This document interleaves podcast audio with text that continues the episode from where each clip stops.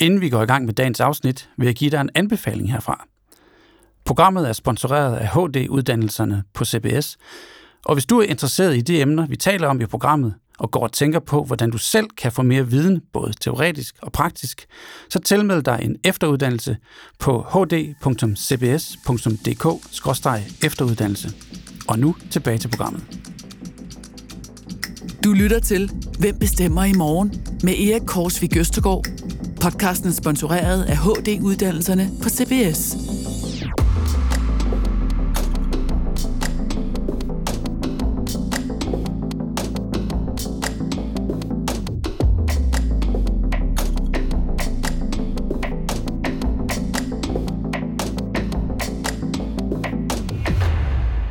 Forlængelse af sidste afsnit kigger vi i dag på, hvor vi skal sætte grænserne for, hvad vores ledere og vores software skal vide om os, og om vores privatliv og om vores arbejdsvaner. Skal softwaren vide, om vi tjekker mails om natten, og måske ikke får så meget søvn? Skal de vide, hvor koncentreret vi arbejder? Skal de have adgang til vores sundhedsdata?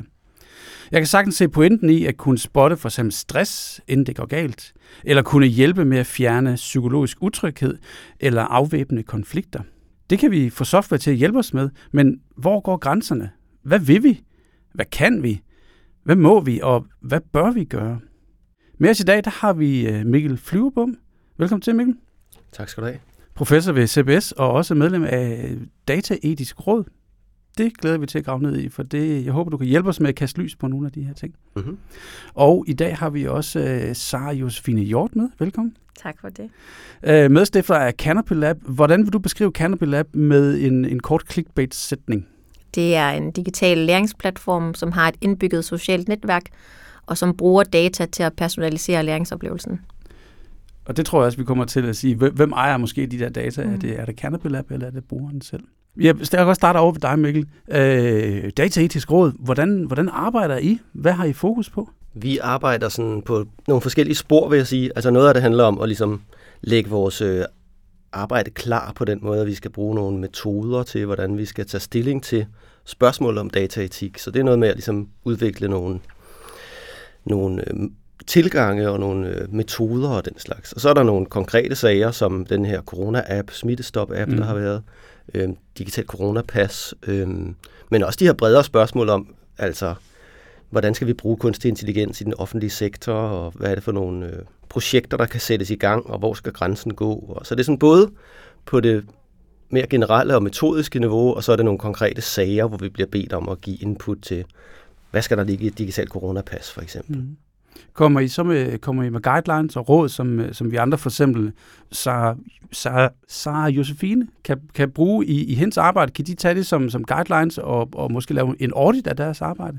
Altså noget af det tager, sådan en, tager form af sådan et øh, schema, du, nogle spørgsmål, du for eksempel kan stille dig selv, hvis du er i gang med et eller andet øh, datadrevet projekt, så kan du spørge dig selv, jamen hvad, hvem har ansvar for de data, hvem har er der tænkt over de her de dimensioner. Så noget af det tager sådan en form af nærmest et spørgeskema eller en eller anden manual, du ligesom kan arbejde dig igennem, hvis du vil gå i gang med noget. Men det er klart, at vi går ind i de ting, som vi ligesom, øh, som har så, hvad skal vi sige, brede konsekvenser, at det gælder for mere end bare en enkelt virksomhed. Mm. Så det er nok lige nu den offentlige sektor, som, øh, som vi er optaget af, altså fordi det er jo der, mange af de her ting begynder at blive virkelig, virkelig øh, vidtrækkende, når de flytter fra lad os sige Facebook eller en lille privat virksomhed og ind i den offentlige sektor og bliver hele den måde, vi ligesom kører vores offentlige sektor på. Så det er der, hvor jeg i hvert fald personligt synes, de største udfordringer er lige nu. Mm. Hvem er jeres samarbejdspartner i det der?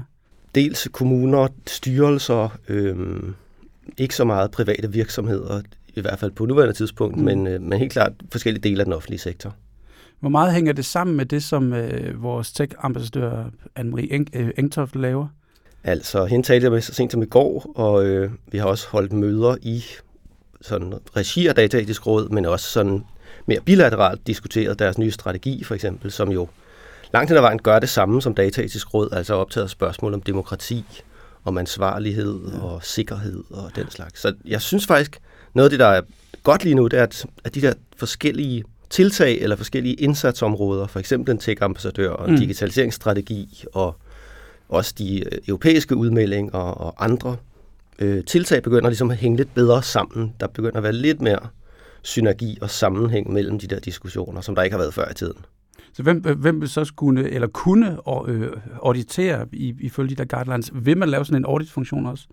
Altså i dataetisk råd, eller hvad? Ja, for eksempel, eller som supplement til, eller man kan læne sig op af, eller noget, så man kan blåstemple sig selv, for eksempel. Altså det er jo noget, der foregår for eksempel i den her mærkningsordning. Jeg ved ikke, om du har set den. Der er sådan en mærkningsordning på vej, som skal både sætte fokus på dataetik og sikkerhed osv. Så, videre. så det er dansk industri, der står for den, og det er ikke en audit-funktion direkte, men det er sådan en mærkningsordning, som i hvert fald sætter nogle standarder, som man skal leve op til af den slags. Mm-hmm. Så Josefine, øh, hvor meget tænker I, når I bygger software, som er så adaptiv på dataetik? Er det vigtigt for jer? Det tænker vi naturligvis rigtig meget på. Nu sidder jeg jo også selv i bestyrelsen for DI Digital og har været meget involveret i nogle af de forskellige ting, der kommer ud nu. Altså jeg tror, vi altid har haft sådan en meget aktivistisk tilgang til data, fordi at min baggrund øh, egentlig ikke er fra tech-branchen. Altså jeg har en baggrund, øh, jeg startede som Ph.D., der undersøgte, hvordan flygtninge og indvandrere brugte sociale medier til at faktisk kæmpe en kamp mod de danske arbejdsgivere, som misbrugte dem. Hvordan de brugte forskellige forumer til at udstille arbejdsgivere, som ikke levede op til de danske, den danske lovgivning. Mm. Så jeg er kommet fra en helt anden vinkel, inden at jeg gik ind og byggede en softwarevirksomhed, som handlede meget om, hvordan man empower brugeren til at øh, gøre op med situationer, hvor de blev misbrugt, eller hvor der er sket noget uretfærdigt. Så det er egentlig sådan, jeg startede med det, men det er klart, at i dag, når man bygger læringssoftware, som skal kunne tilpasse sig et menneske, så bliver du nødt til at have noget data omkring det menneske for at gøre læringsoplevelsen bedre. Ellers så ved vi jo ikke, hvem du er, hvad du kan, og hvordan du foretrækker at arbejde. Så der er konstant en eller anden form for balance med, hvordan ser vi et menneske for, hvem de er, og prøver at give dem det, som de gerne vil have, øh, men stadigvæk gøre dem meget opmærksom på, hvad det er for noget data, vi har, og hvordan vi bruger det. Og ikke nødvendigvis give alt dataen til arbejdsgiveren. Altså, jeg synes, der er meget stor forskel på, data kan jo kan overleveres på mange forskellige måder, og, og vi har ikke et eller andet kæmpe instrumentbræt, hvor at arbejdsgiveren kan se en hel masse om, om individet. Man kan se noget generelt om, hvordan folk gerne vil lære. Mm. Så for eksempel ønsker folk at lære gennem øh, øh, refleksion i en journal, eller ønsker folk at lære gennem quizzer. Sådan noget giver vi arbejdsgiveren, fordi de så kan designe bedre læringsforløb. Men vi går ikke ind og fortæller en hel masse om den enkelte person, og det er noget, vi har valgt, at det ønsker vi ikke at gøre. Og hvorfor kalder du det aktivistisk? Mange softwarevirksomheder bliver bragt i verden for at gøre noget nemmere eller billigere, eller, mm. øh, og der har vi altid set på, altså på den individuelle bruger som udgangspunkt. Det vil sige, at brugeren har en profil, og den kan de tage med sig. Så hvis de forlader en arbejdsplads, så kan de sige, at jeg vil have min læringsrejse, øh, alle de ting, jeg har lært, og det, det, der er om mig, og de emblemer, jeg har fået, så det kan jeg tage med mig. Mm. Jeg kan tage, tage det med ud i et åbent læringsmiljø, vi har, eller jeg kan tage det med mig til min næste arbejdsplads, hvis den så også bruger den samme læringsplatform. Mm. Så vi er tit blevet anklaget af vores kunder for at tage brugeren som udgangspunkt for læringsuniverset, men det er noget, der har været rigtig vigtigt for os at gøre det sådan. Som, som jeg husker, uh, Tim Berners-Lee, forfader til internettet, eller står fader til internettet, også arbejder på at lave sådan nogle datapods, hvor man ejer sin egen data upagtet, om de så bliver eksponeret over for Facebook, eller hvem det sådan er, så ejer jeg det, og jeg kan tage det med, uh, hvor nu end jeg vil. Er det, er det samme tanke? Er det sådan en, en, ja, en, en, det, en kapsel? Ja, det er samme tanke som det, men det er også den her tanke om, at, at nogle gange, når vi billedliggør vores data, så fortæller det rigtig meget om, hvem vi er. Mm. Så for eksempel, så, hvis man åbner min Netflix, eller min mands Netflix, mm. så ser de i dag fundamentalt anderledes ud. For eksempel min, den, øh, altså det er jo næsten ligesom at åbne øh, skuffen til ens undertøj i dag. Så intimt er det i virkeligheden. Min, der vil du lægge mærke til, at øh, når man tænder, så er det billeder af kun øh, asiater. Så tænker man, hvorfor er det det? Det er fordi for et år siden, der valgte jeg kun at se koreansk fjernsyn, fordi jeg er ved at prøve at lære koreansk. Og der tænker jeg, den nemmeste måde at gøre det, det er vel at så sige, når man ser øh, noget, som er øh, fiction, så vælge den kategori, og så kan man se, at jeg er optaget af sci-fi og historisk drama og romance. Mm. Det kan du afkode fra forsiden af min Netflix. Så prøv at overføre det til en læringskontekst, hvad det er for en sensitiv data, vi har om, hvordan du arbejder, hvor længe, hvornår du er koncentreret, hvornår du ikke er. Og det ønsker vi ikke øh, og billedliggøre på individniveau over for arbejdsgiveren. Men det er jo dybt interessant, det der med altså den her bevægelse hen imod at individualisere kontrollen med data. Og det er jo øh, et super godt tiltag, fordi det ligesom i hvert fald fjerner nogle af problemerne, som har været, at for eksempel platforme af forskellige karakterer kommer ind mellem en virksomhed og en, et individ eller en ansat, og det er faktisk dem, der har den der vidensadgang og kontrol med viden osv. Men det skaber også bare nogle nye problemer, som jo er, at så i hvert fald hvis du taler om den type data, som, som handler om øh, ens arbejdsliv og ens meget sådan personlige aktiviteter. Det giver også et kæmpe ansvar på indi- for individet at ligesom skulle være den, der kan passe på sine data og vide, hvilke hænder de lander i og alt den slags. Så jeg synes faktisk, at den der meget individualiserede tilgang også åbner nogle nye problematikker, og jeg tror nok, jeg stadig vil tale for, at vi har brug for institutioner og andre typer af aktører, der ligesom kan, kan tage ansvar for de der spørgsmål. Så det er ikke enten at helt frit for virksomheder og bare suge data til sig, og heller ikke noget, som individet ligesom skal tage ansvar for øh, helt alene. Det er for stort et ansvar på en måde. Ja, og, og in, altså, individet træffer jo heller ikke altid beslutningen hos os i sidste ende, fordi hvis en virksomhed har valgt, at det er nu engang det læringssystem, som vi bruger, og når vi har et socialt netværk bygget ind, så bliver vi også tit sat ind i stedet for et intranet. Så på den måde, så træffer arbejdsgiveren jo også nogle beslutninger på vores vegne om, at, at det er på det her system, man er, og man lærer. Øh, så der vil altid ligge nogle konflikter med det. Og så kan man sige, det andet problem er også det med, at vi er mange, der er så meget foran reguleringen. Altså, jeg er stadig ikke sikker på, at det her det er noget, vi kan regulere os ud af, fordi hver gang reguleringen flytter sig øh, to meter, så er vi bare et, altså, vi er et helt andet sted, fordi mm. at der heller ikke er nok af dem, som sidder med reguleringer. Der er ikke nok i det offentlige, som er os, som hele tiden sidder, hvordan kan vi lave det nye, hvordan kan vi gøre det større, mm. eller vildere, eller anderledes. Så os, der eksperimenterer med det, der sidder de dygtige talenter, som forstår kunstig intelligens. Vi sidder jo i høj grad i de private virksomheder, så det er helt umuligt at følge med. Det er en ret stor opgave, som nogle af jer sidder med i at forsøge at følge med. Men det fordrer så, at øh, det at tage det ansvar, det etiske ansvar, juridiske ansvar, det er faktisk noget, I skal tage på jer. Hvis I løber forrest med teknologi, med data, med, med brug, så er I også nødt til også at løbe, løbe forrest med hele den, øh, den humane debat i samme åndedrag. Jamen, der tror jeg, at vi for eksempel meget i DI-regi øh, snakker om, hvordan vi bliver bedre til at brande det her med data som en, altså som en dansk eksportvare, altså dataetik. Ikke? Det har vi jo begyndt at snakke om. Hvorfor er det dansk design? Hvorfor er det ikke lige så meget det transparens? Det er, at man har en velovervejet tilgang til sin data. Det bruger vi meget aktivt i vores markedsføring. Så når vi er i udlandet, så vi er primært i Sydamerika og Afrika og nu i Asien, så siger vi, at det er en læringsplatform, der er bygget på nogle danske principper omkring samarbejde, og det har, hvad vi så kalder en nordisk tilgang til, hvordan vi, vi opbevarer vores data. Mm. Og det er ligesom noget, som, som de så altså, køber ind på ude i udlandet. Men det er klart, der er ikke en eller anden... Altså, hvad betyder det i virkeligheden?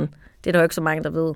Ja, det er jeg faktisk ret interesseret i det der, fordi i, i episode 2 af vores sæson, der har vi snakket med Christina Bortrup, som sidder og kigger på Kina, og også refererer til, hvordan man der er øh, frontrunners på teknologi, og også frontrunners på databrug nu sagde jeg meget diplomatisk frontrunners på databrug, det kan man jo både tolke på en eller anden måde, men der, der må være forskel globalt på, hvordan man takler sådan noget. Bare det at kigge over grænsen til Tyskland, der er der en anden brug af, af data. Så det at, at navigere internationalt, Mikkel, hvordan kan vi hjælpe hinanden med det? Det er i hvert fald interessant, at vi begynder at se de her forskelle. Altså, der er nogle forskellige spor, der bliver lagt ud, helt sådan på geopolitisk niveau, altså en europæisk tilgang til teknologi og en amerikansk tilgang til teknologi og en kinesisk eller asiatisk tilgang, som klar, helt klart tager forskellige former.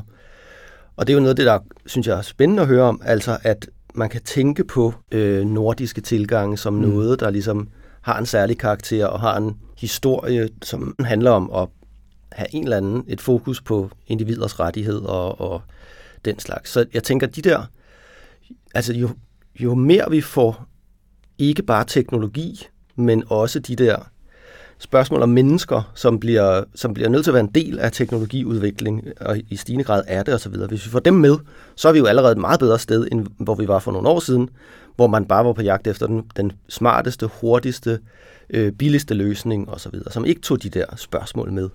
Så jeg tænker, at det er alle de former for konkurrence, vi kan få på det her område, som arbejder på nogle lidt, en lidt bredere palette eller et bredere spektrum end bare pris og så videre, jo, jo bedre står vi. Og det er jo det, vi har set. Altså at Huawei i, øh, var en super, havde et super godt tilbud til TDC for eksempel på et tidspunkt, indtil man ligesom kom i tanke om, hov, vi er også interesseret i sikkerhed, vi er også interesseret i ansvarlighed og alle de andre ting, og så er det faktisk nogle, hvad valgte man, Nokia eller Ericsson, eller nogle andre mm. typer af leverandører, som, mm. som måske var dyrere, men som havde nogle andre typer af øh, hvad skal vi sige, komponenter i deres produkt. Men jeg kan faktisk være lidt bekymret for, at på grund af corona, om der sker en eller anden form for skred, i forhold til, hvor meget arbejdsgiver ønsker at vide om deres medarbejdere. På grund af det her med distanceledelsen. Fordi jeg kan jo selv mærke, øh, vi under corona er gået fra at være 11 medarbejdere til 40. Øh, de fleste af dem har jeg aldrig mødt. Og det er også sådan ret anderledes måde at rekruttere på. Men så netop synes jeg nogle gange, at jeg som arbejdsgiver i de situationer, hvor jeg kan være i tvivl om, om der foregår noget med medarbejderen, at det er jo mm. egentlig der, hvor vores adfærd bliver kompromitteret en lille smule, hvor man begynder at blive nysgerrig på, hvornår har de egentlig sidst logget ind på deres Præcis. computer. Ikke? Så, så det er som om, at, at når vi pludselig ser en verden, der forandrer sig meget hurtigt, så er der nogen, der kommer til på et tidspunkt om et år eller to at se på, om vi så egentlig er begyndt at tage nogle af de her software meget mere, mm. og den måde, vi som ledere bruger dem. Fordi man kan jo ikke engang i dag logge ind i sit Google-dashboard. Hvis jeg skal tilføje en ny medarbejder, så det første data, jeg bliver konfronteret med, det er, hvornår alle loggede ind sidste gang. Det er simpelthen på forsiden, hvor jeg altid har tænkt, hvad skal jeg egentlig bruge den, den data til? Normalt er jeg jo vant til at sidde ved siden af mine kollegaer. Jeg kan godt se, at de sidder på arbejde. Men det er mm. simpelthen en data, som Google synes er vigtigt, at jeg får det øjeblik, jeg prøver at oprette en ny medarbejder.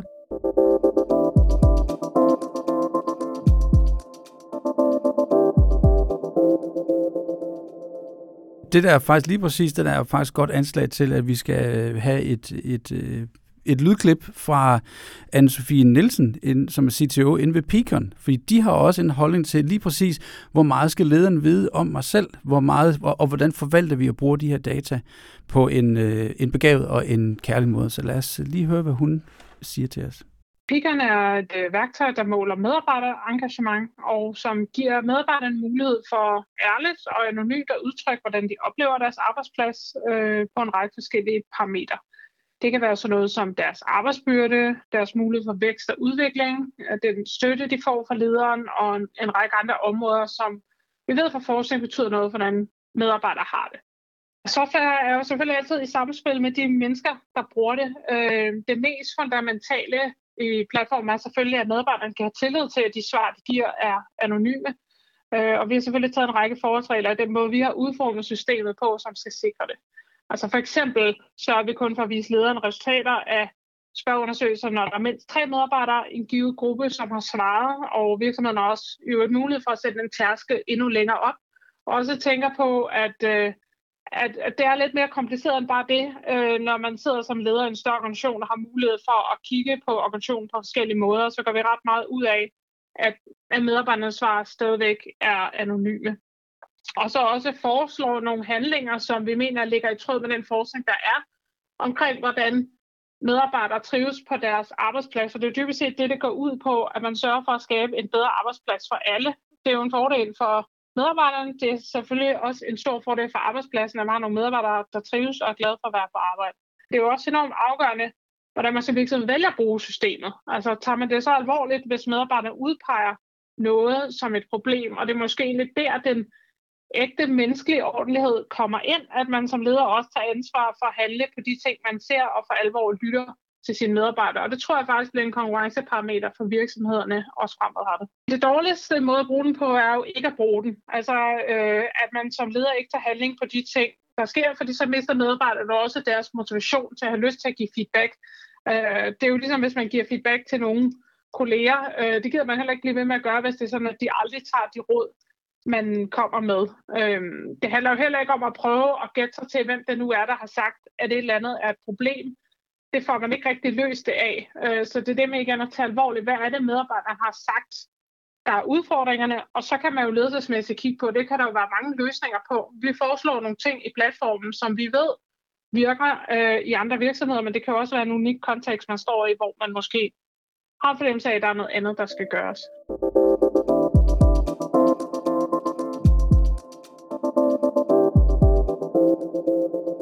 Mikkel, øh, nu kommer Pikan, de kommer også med, med forslag til handlinger. Betyder det også, at vi skal sidde og auditere de forslag, der kommer? Fordi de, de der forslag, der kommer baseret på data, de kan jo godt dreje virksomheden et sted hen, som man måske ikke øh, håber eller tror på eller vil. Altså jeg tænker, sådan som jeg hører klippet, så handler det ikke så meget om auditering, som det handler om det her med at ligesom skabe en ny øh, platform eller en, en ny kommunikationskanal, hvor medarbejdere kan øh, give feedback og ligesom reagere på deres øh, arbejdsliv, men også mm. hvor arbejdsgivere kan ligesom få indblik i øh, deres medarbejderes liv. Og det er jo noget, som jeg er dybt optaget af det her med, når vi begynder at have digitale teknologier som sådan en form for ryggrad i vores virksomheder og vores organisationer, så går vi faktisk fra en situation, hvor man skulle grave information frem og sådan aktivt spørge efter information osv. Når man bruger de her digitale teknologier som ryggrad, så producerer de jo data hele tiden. Så mm. data bliver sådan en, en, enten en, et spildprodukt, eller noget, som hele tiden bliver skabt som del af det af vores arbejde. Så det er jo interessant, fordi så bliver spørgsmålet ikke, hvilke informationer skal vi grave frem, eller hvad skal, hvad skal vi bruge for noget information om vores medarbejdere, men faktisk at sige, er der information, vi ikke vil se på? Hmm. Altså, så, så hvad skal man sige, udgangspunktet bliver ligesom flippet fra, at man skal aktivt søge information, til at man skal filtrere fra, eller sige nej tak, hmm. eller sætte grænser. Så når teknologien bliver grænseløs, så bliver grænserne nødt til at blive sat af ledere, eller medarbejdere, eller andre. Så det er jo en helt ny situation, som ligesom opstår i de her virksomheder, der begynder at arbejde på den her måde. Og det er jo der, hvor vi ser så nogen blive super creepy, fordi at øh, man ikke kan finde ud af at sætte grænser, og man ikke ligesom har en, noget at pejle fra, ud fra som leder, eller mm. øh, så videre. Og der er det jo, at vi ser de der, altså noget af min forskning har kigget på nogle ekstreme organisationer, hvor alt bliver delt, hvor drømmen er fuldstændig gennemsigtighed, mm. ikke? Og de, de organisationer bryder sammen. Altså jeg kan godt give eksempler på, hvordan de bryder sammen. Gerne.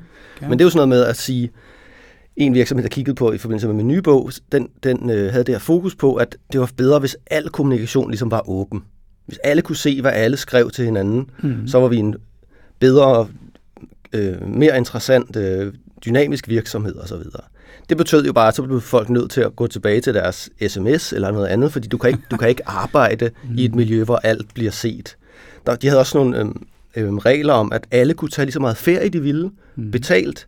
De skulle bare dele med resten af organisationen, hvad de gjorde, og hvor de var, og så videre. Og det lyder sådan science fiction-agtigt, eller noget, ja, noget fra... George Orwell-agtigt, ikke? Ja, ja, der er også en fantastisk bog, der hedder The Circle af Dave Eggers, som også handler om en virksomhed, som går helt græsat i de her gennemsigtigheds... Øh, øh, tankegang. Men det, her med, det med ferien, så så folk jo, at deres øh, chefer aldrig holdt ferie, for eksempel. Mm.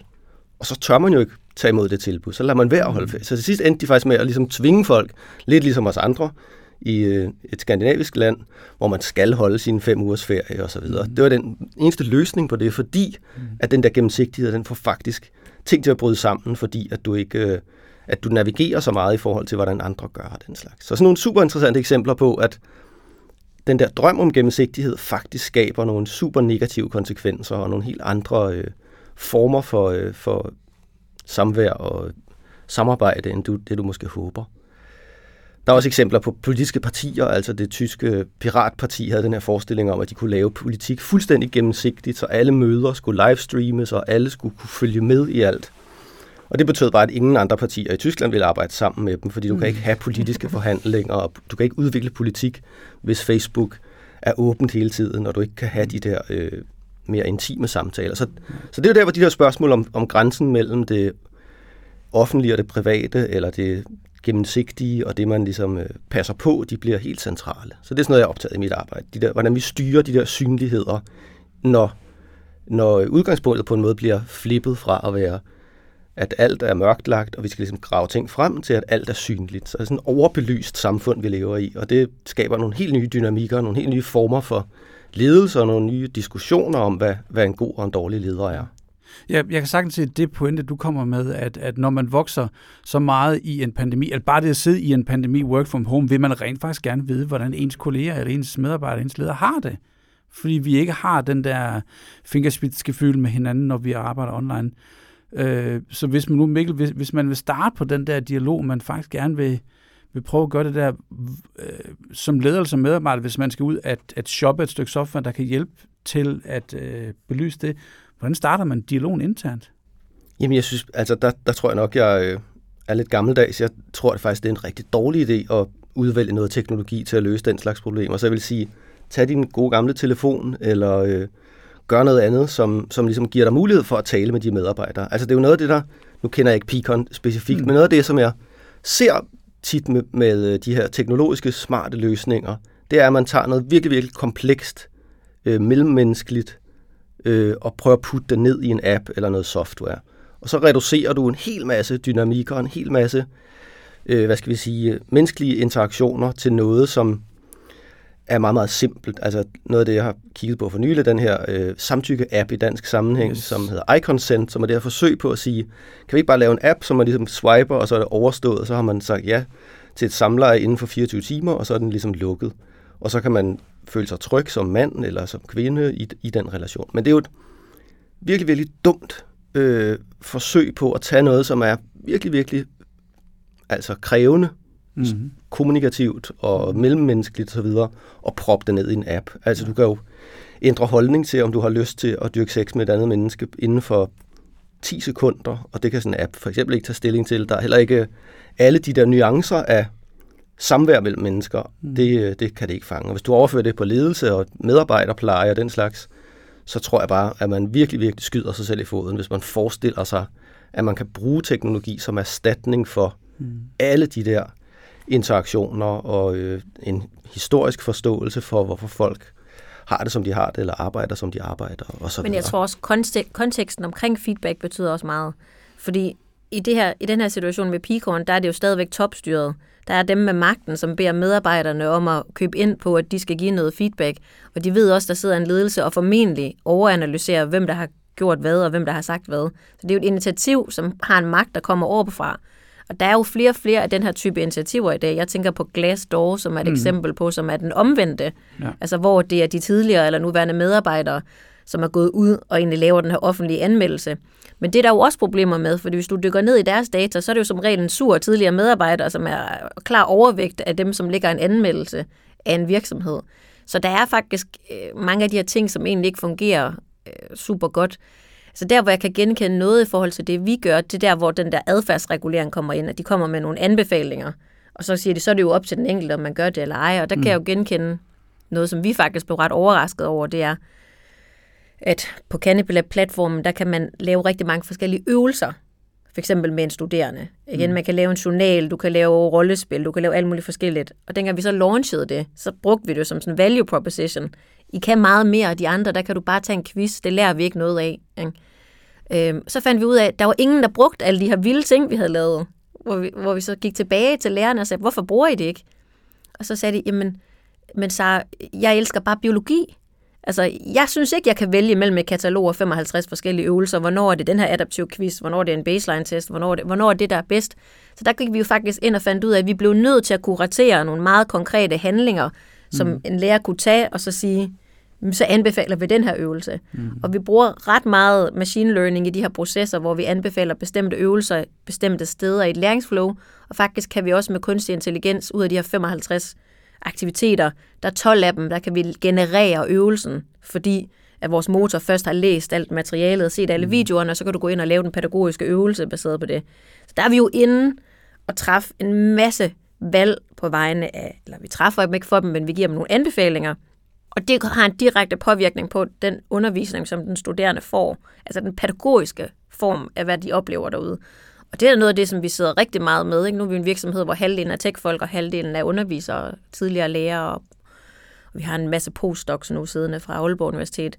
Men det er jo noget af det, vi er opmærksomme på, at det er det spændingsfelt, hvor vi kan komme til at lave en fejl. Og at en fejl, det er ikke bare sådan en teoretisk fejl. Det er en fejl, som har en helt vildt stor betydning for folks uddannelse. Øh, og det er da noget af det, som både er det, der er spændende, og det, som er, der også kan gøre mig nervøs. Mm. Og så tror jeg også, at man, man sidder som sådan nogen som os, der udvikler det, der sidder vi jo tit lidt i en klemme, fordi vi vil gerne have, at øh, eleverne er glade, vi vil gerne have, at lærerne er glade, og vi vil gerne have investorerne, som som regel er dem, der betaler for hele festen, er glade. Og der ser vi jo netop, at man i en, også i en nordisk kontekst er i et race imod Kina og hvor der er nogle investorer, som har nogle intentioner om at bygge det mest adaptive og det smarteste, det mest automatiserede. Mm. Øhm, og der er det en, en balance, som kræver, øh, at man øh, tør stå, stå ved nogle, nogle beslutninger, som ikke altid er populære, før det ikke ligesom løber løbsk.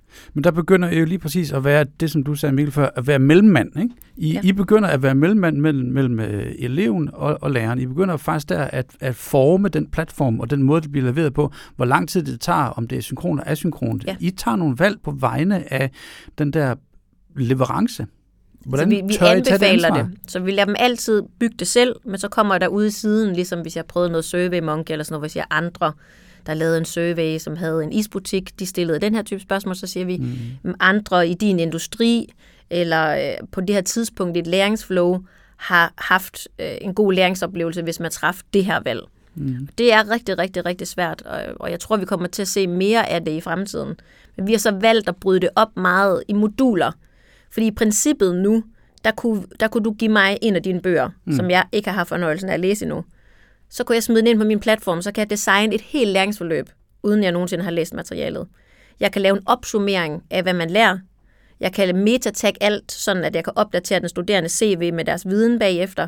Jeg kan vælge en pædagogisk øvelse, og jeg kan generere indholdet af den pædagogiske øvelse. For eksempel definere øh, kernebudskaberne i din bog. Det kan vi allerede nu, men det gør vi ikke, fordi det er for ugennemsigtigt, og så træffer vi simpelthen for mange valg hele vejen ned igennem mm. den ligning. Så derfor har vi brudt det op, hvor vi hele tiden siger, du kan vælge sådan helt i toppen. Er det mig, der er føretrøjen? Vil jeg skrive min egen indledning? Vil jeg skrive min egen opsummering? Eller vil jeg have den autogenereret? Og hvis den er autogenereret, vil du så gå ind og redigere den selv? Eller vil jeg skrive min egen øvelse? Vil jeg træffe mit eget valg om øvelserne? Eller vil jeg have en anbefaling? Men vi ser et skift, særligt med corona, hvor flere og flere jo vil have vores hjælp. Fordi det, der jo er sket, det er, at når at alle elever i hele verden bliver sendt hjem sådan med en måneds mellemrum, og så øh, alle undervisere i verden skal digitalisere deres kursus. Nogle, øh, måske ikke i Danmark, men stort set alle andre steder for første gang nogensinde.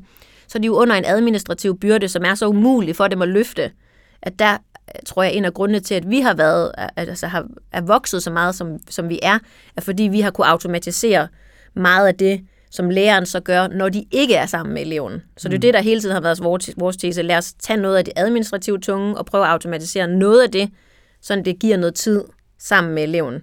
Men vi er meget opmærksomme på det ansvar, som vi har i den ligning. Øhm, så det er meget, meget svært.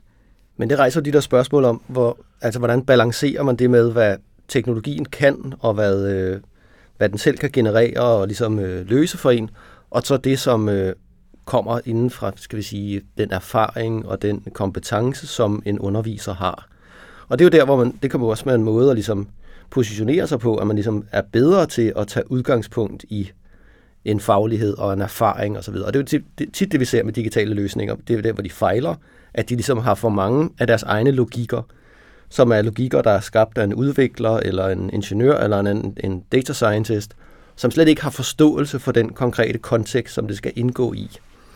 Så det er jo den ene dimension af det her. Vi ligesom får nogle øh, løsninger nogle gange, som er helt afkoblet fra, hvad, hvad folk egentlig øh, har brug for, og selv tænker og selv ligesom øh, har lært. Og det er jo der, hvor jeg tror, det, den store kamp bliver altså, at vi får nogle løsninger, som starter nedefra og indefra og bygger, bygger teknologiske løsninger op som noget, der ligesom støtter op om det allerede eksisterende, snarere end at give et helt nyt, øh, en helt ny hvad skal jeg sige, en helt ny logik, et helt nyt verdenssyn, en helt ny måde at løse tingene på. Ja, jeg tror, så, som jeg sådan har, har set det, nu kommer jeg jo selv, altså har været underviser på Aalborg Universitet, at problemet, som vi endelig er begyndt at snakke om i Danmark, når vi snakker om læringsteknologi, er, at, at folk har ikke så meget tænkt på, at vi putter et, et, en masse intentioner i vores læringsdesign, for eksempel på universitetet, når vi designer problembaseret læring.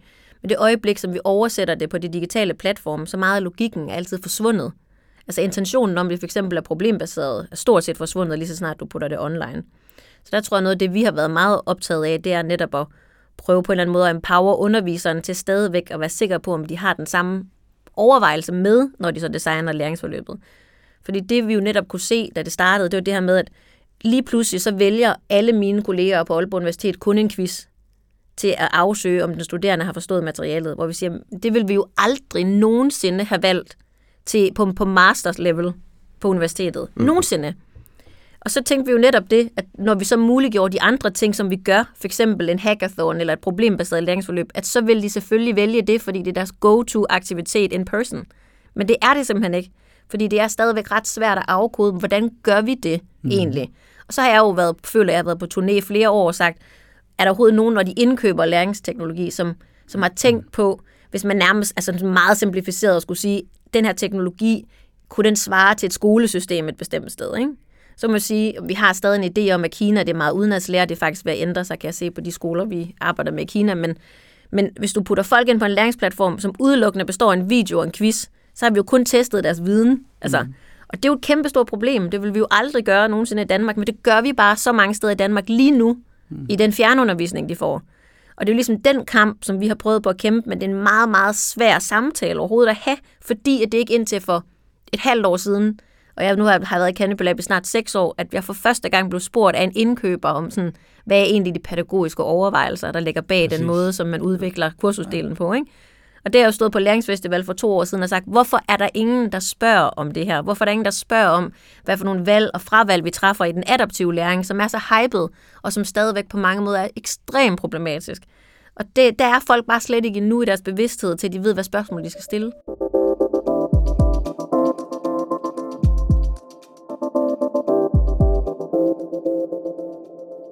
Hvem træffer de der valg, som du sagde, Mikkel? Der sidder måske en ingeniør og koder noget. Der sidder nogen, der sætter noget kunstig intelligens op og trigger det og giver det noget læringsmateriale, noget det skal. Så er der en pædagogisk linje. Der er også nogle ledere, der måske har holdning til, hvad for nogle data vi vil have eller ikke vil have og skal øh, rydde op i, som, som du siger, Mikkel. Der er også nogle, nogle brugere, som afleverer softwaren. Hvem bestemmer så i morgen, Sara? Hvem gør det? Jamen, i morgen bestemmer, jeg vil kalde det opfinderen, og ikke bare iværksætteren. Øh, jeg vil sige, opfinderen er at undersætte iværksætteren. Altså, vi har jo nogle opfindere herude, øh, Elon Musk, Mark Zuckerberg, som formår at skabe nye ting, som ændrer vores verdenssyn fuldstændig fundamentalt. Og så på godt og ondt. Ikke? Altså ideen om, at mennesket potentielt kan bo øh, et sted i rummet. Altså ideen om at tage til mm. Mars. Det er jo idéer, som der er nogle opfindere, som bygger en sti til, som vi, da vi var børn, aldrig nogensinde havde tænkt var muligt. Og vi mm. andre formår ikke helt at følge med, som de begynder at udrulle den vision, som de har. Så det er i høj grad dem, som, som øh, bestemmer i morgen. Som tramper nogle stier først og går forrest ja. og prøver både teknologisk og, og forretningsmæssigt og Ja, og vi kommer så bagud og prøver og... at sige, hvordan vi skal regulere det, og hvordan vi skal operere, men de har, men de har jo lavet et nyt space, som overhovedet ikke fandtes inden. Mm. Vi når jo aldrig at have en snak om, skulle det her sted findes? Altså, vi kommer bare bagefter og prøver at samle stumperne op. Hmm. Hvad siger du, Mikkel? Hvem bestemmer i morgen? Jeg tror, det er mennesker, der bestemmer i morgen, og en mm. særlig type mennesker. Mennesker, der tør ligesom stole på deres øh, erfaringer, på deres intuition, der på en måde, måde tør stå fast på det fundament, de ligesom står på. Og det, det menneske kan så agere på forskellige måder i forskellige sammenhænge. Det kan være en lærer, som siger, når jeg, jeg ved, hvordan de studerende øhm, skal forstå det her øhm, spørgsmål i biologien, eller de her øh, spørgsmål om sociologien, eller hvad ved jeg. Øhm, det kan også være en leder, som, som kigger på sine medarbejdere og ligesom øh, tør gå ind i, hvad det er, der foregår, og bruge tid på at øh, forstå de mennesker. Så når jeg siger det, så siger jeg også, at det er ikke teknologi, der bestemmer i morgen. Mm-hmm. Og det er nok heller ikke, fra mit perspektiv, dem, der laver nye veje og laver nye øh, teknologiske innovationer og den slags. Jeg tror faktisk, det er folk, der tør tænke på teknologi som sådan en hjælper, som kan understøtte noget, som de allerede har brug for og allerede har øh, fokus på og ser en værdi i. Og måske tør udfordre teknologi og sige, jamen jeg har brug for en læringsplatform til visse dele af mit arbejde, men jeg har sådan set logikken og erfaringerne på plads, og jeg ved, hvilken retning vi skal gå i. Og der kan teknologi nogle gange hjælpe mig, men nogle gange er det noget andet, der skal til. Det må også betyde, at vi, vi i vores uddannelses... Øh, at, at vi både skal fokusere på uddannelse og på dannelse, når vi skaber vores nye øh, medborgere. Helt klart, og vi skal bruge teknologi, men vi skal også lade være at bruge teknologi i visse sammenhænge. Mm. Og der, der tror jeg, vi... Altså, du snakker om, hvor lang, hvor lang tid det tager at få læringsprincipper og den slags med ind i øh, teknologiske løsninger. Jeg tror også, vi kommer et sted hen, hvor vi begynder at lade teknologi fylde mindre, end det gør i dag. Mm. Bare fordi der findes teknologiske løsninger, så er det ikke sikkert, at det er dem, vi har brug for, og dem, der øh, tjener vores formål. Og så tror jeg også, at vi skal kigge på, hvem er det, som er ejer af teknologier. Der har vi jo historisk i Danmark været ret dårlige til at investere i software, og det er klart, at hvis man, er, hvis man kigger ud og er tvunget i sin vækst til at kigge mod USA eller kigge mod Kina, så kommer det også til at påvirke nogle af de teknologier, som ellers kommer ud af Danmark, måske med ret gode intentioner.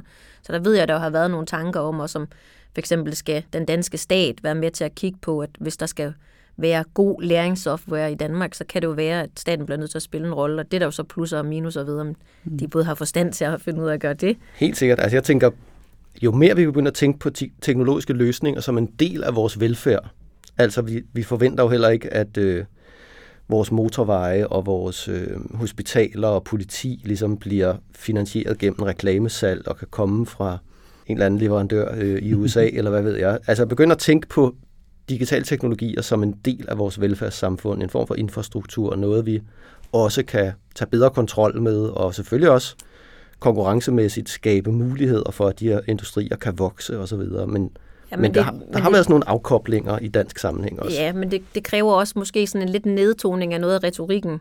Fordi jeg synes, at meget politisk, så bliver det hurtigt sådan tech-virksomhederne mod, mod resten af verden.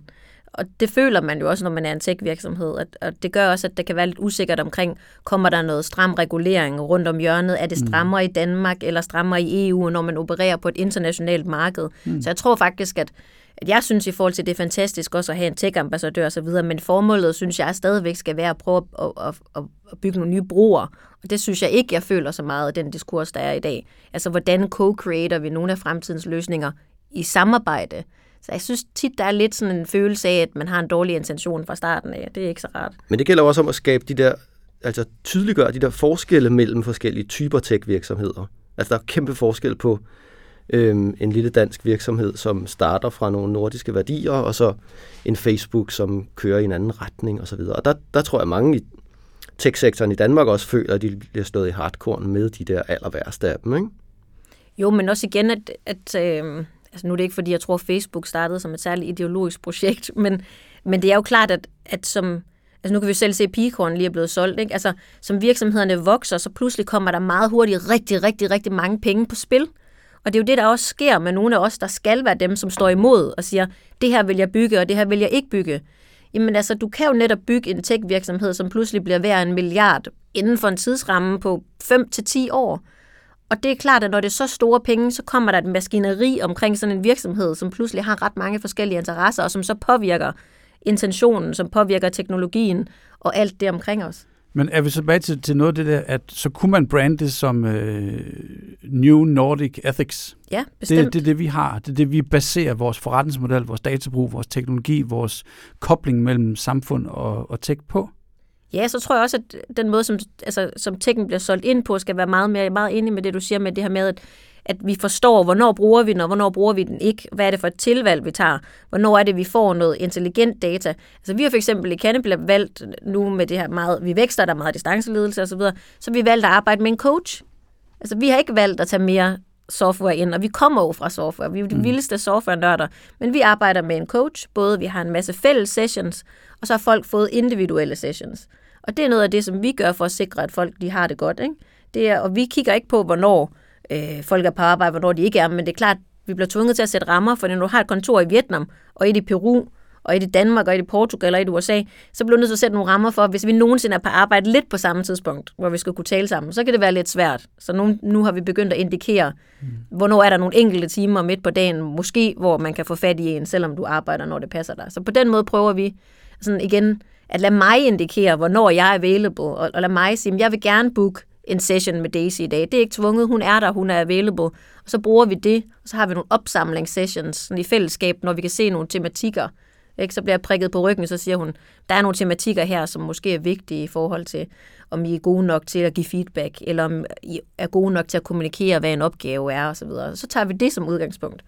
Det lyder så også som om, at, at, at du eller I som kultur har været eller er på en, en, en dannelsesrejse, hvor I tager nogle aktive opgør med, sådan kan vi gøre, sådan bør vi gøre, sådan vil vi gøre, sådan skal vi gøre. Hvor, hvor I lægger nogle retningslinjer ud i jeres virksomhed om lige præcis, hvornår, som du siger, Mikkel, hvornår bruger jeg tech, og hvornår gør jeg ikke. Det lyder som, I er, I enten gør I det bevidst eller ubevidst. Der er i hvert fald et eller andet der omkring nogle, nogle aktive valg, I træffer. Men det viser jo også det her med, at øh, den samme teknologi kan bruges både til kontrol eller til at facilitere øh, entusiasme eller nysgerrighed, eller hvad ved jeg. Og det er jo der, når jeg siger det der med, at teknologien ikke har nogen grænser længere, og de grænser bliver nødt til at være noget, vi selv som udviklere, eller mennesker, eller medarbejdere, eller ledere, øh, lægger os fast på. Ja, og især som en, en virksomhed, som har medarbejdere mange steder, der kan vi også se, at dannelsesrejsen omkring data er forskellig. Så der er forskellige adfærd, og at vores medarbejdere i forskellige lande kan have en adfærd med deres data, som vi nogle gange bliver meget forskrækket over i Danmark. Mm. Så når for eksempel der er nogen, der bliver syge i Peru, øh, hvor der skal vi stadigvæk hjælpe dem meget mere på grund af den måde, som sundhedssystemet er der, så fik jeg pludselig sendt en lægejournal i min e-boks, som jeg aldrig havde bedt om. Jeg blev simpelthen så forskrækket, at først man gør det, ringe til sin advokat, og det er jo også lidt uhyggeligt, at det er sådan, mm. ikke? Men det er jo en måde, som de har det med data, ligesom vi kan se, at når vi øh, reklamerer gennem Facebook øh, meget på altså mange forskellige steder i Afrika, så smider de alle sammen deres telefonnummer ud bare sådan yderst, og siger, ring til mig, ring til mig, ring til mig, og der siger først, jamen, altså, du skal da aldrig smide dit telefonnummer på en åben væg på Facebook, ikke? men det er jo bare den der dannelsesrejse, øh, at og folk agerer fuldstændig forskelligt. Vi lukker den der. Det er et perfekt anslag til næste episode, til dig, der lytter med derude, hvor vi netop kommer til at, til at snakke om, hvornår vi skal, og hvornår vi ikke skal bruge, øh, bruge teknologi. Så det er et super godt anslag til det. Så hvor kan vi læse mere om det, du arbejder med? Det kan I gøre på Canopy Labs hjemmeside, canopylab.com. Og Mikkel, hvor kan vi finde mere om dig og det, du laver? Måske følge mig på LinkedIn. Ja. Det er nok det sted, hvor jeg mest deler mine faglige ting og optræden og den slags. Det gør vi. Mm. Tak for det. Tak for jeres tid.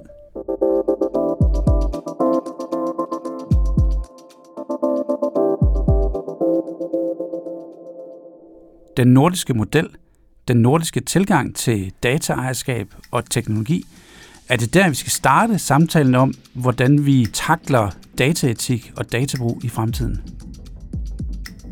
I næste afsnit fortsætter vi snakken om, hvordan vi bruger teknologi eller ikke. Vi får besøg af Anders Kolding Jørgensen, der er psykolog, og Daniel Hart fra CBS, til en snak om, hvornår data gør os dummere, eller hvornår teknologi kan hjælpe os eller ikke hjælpe os.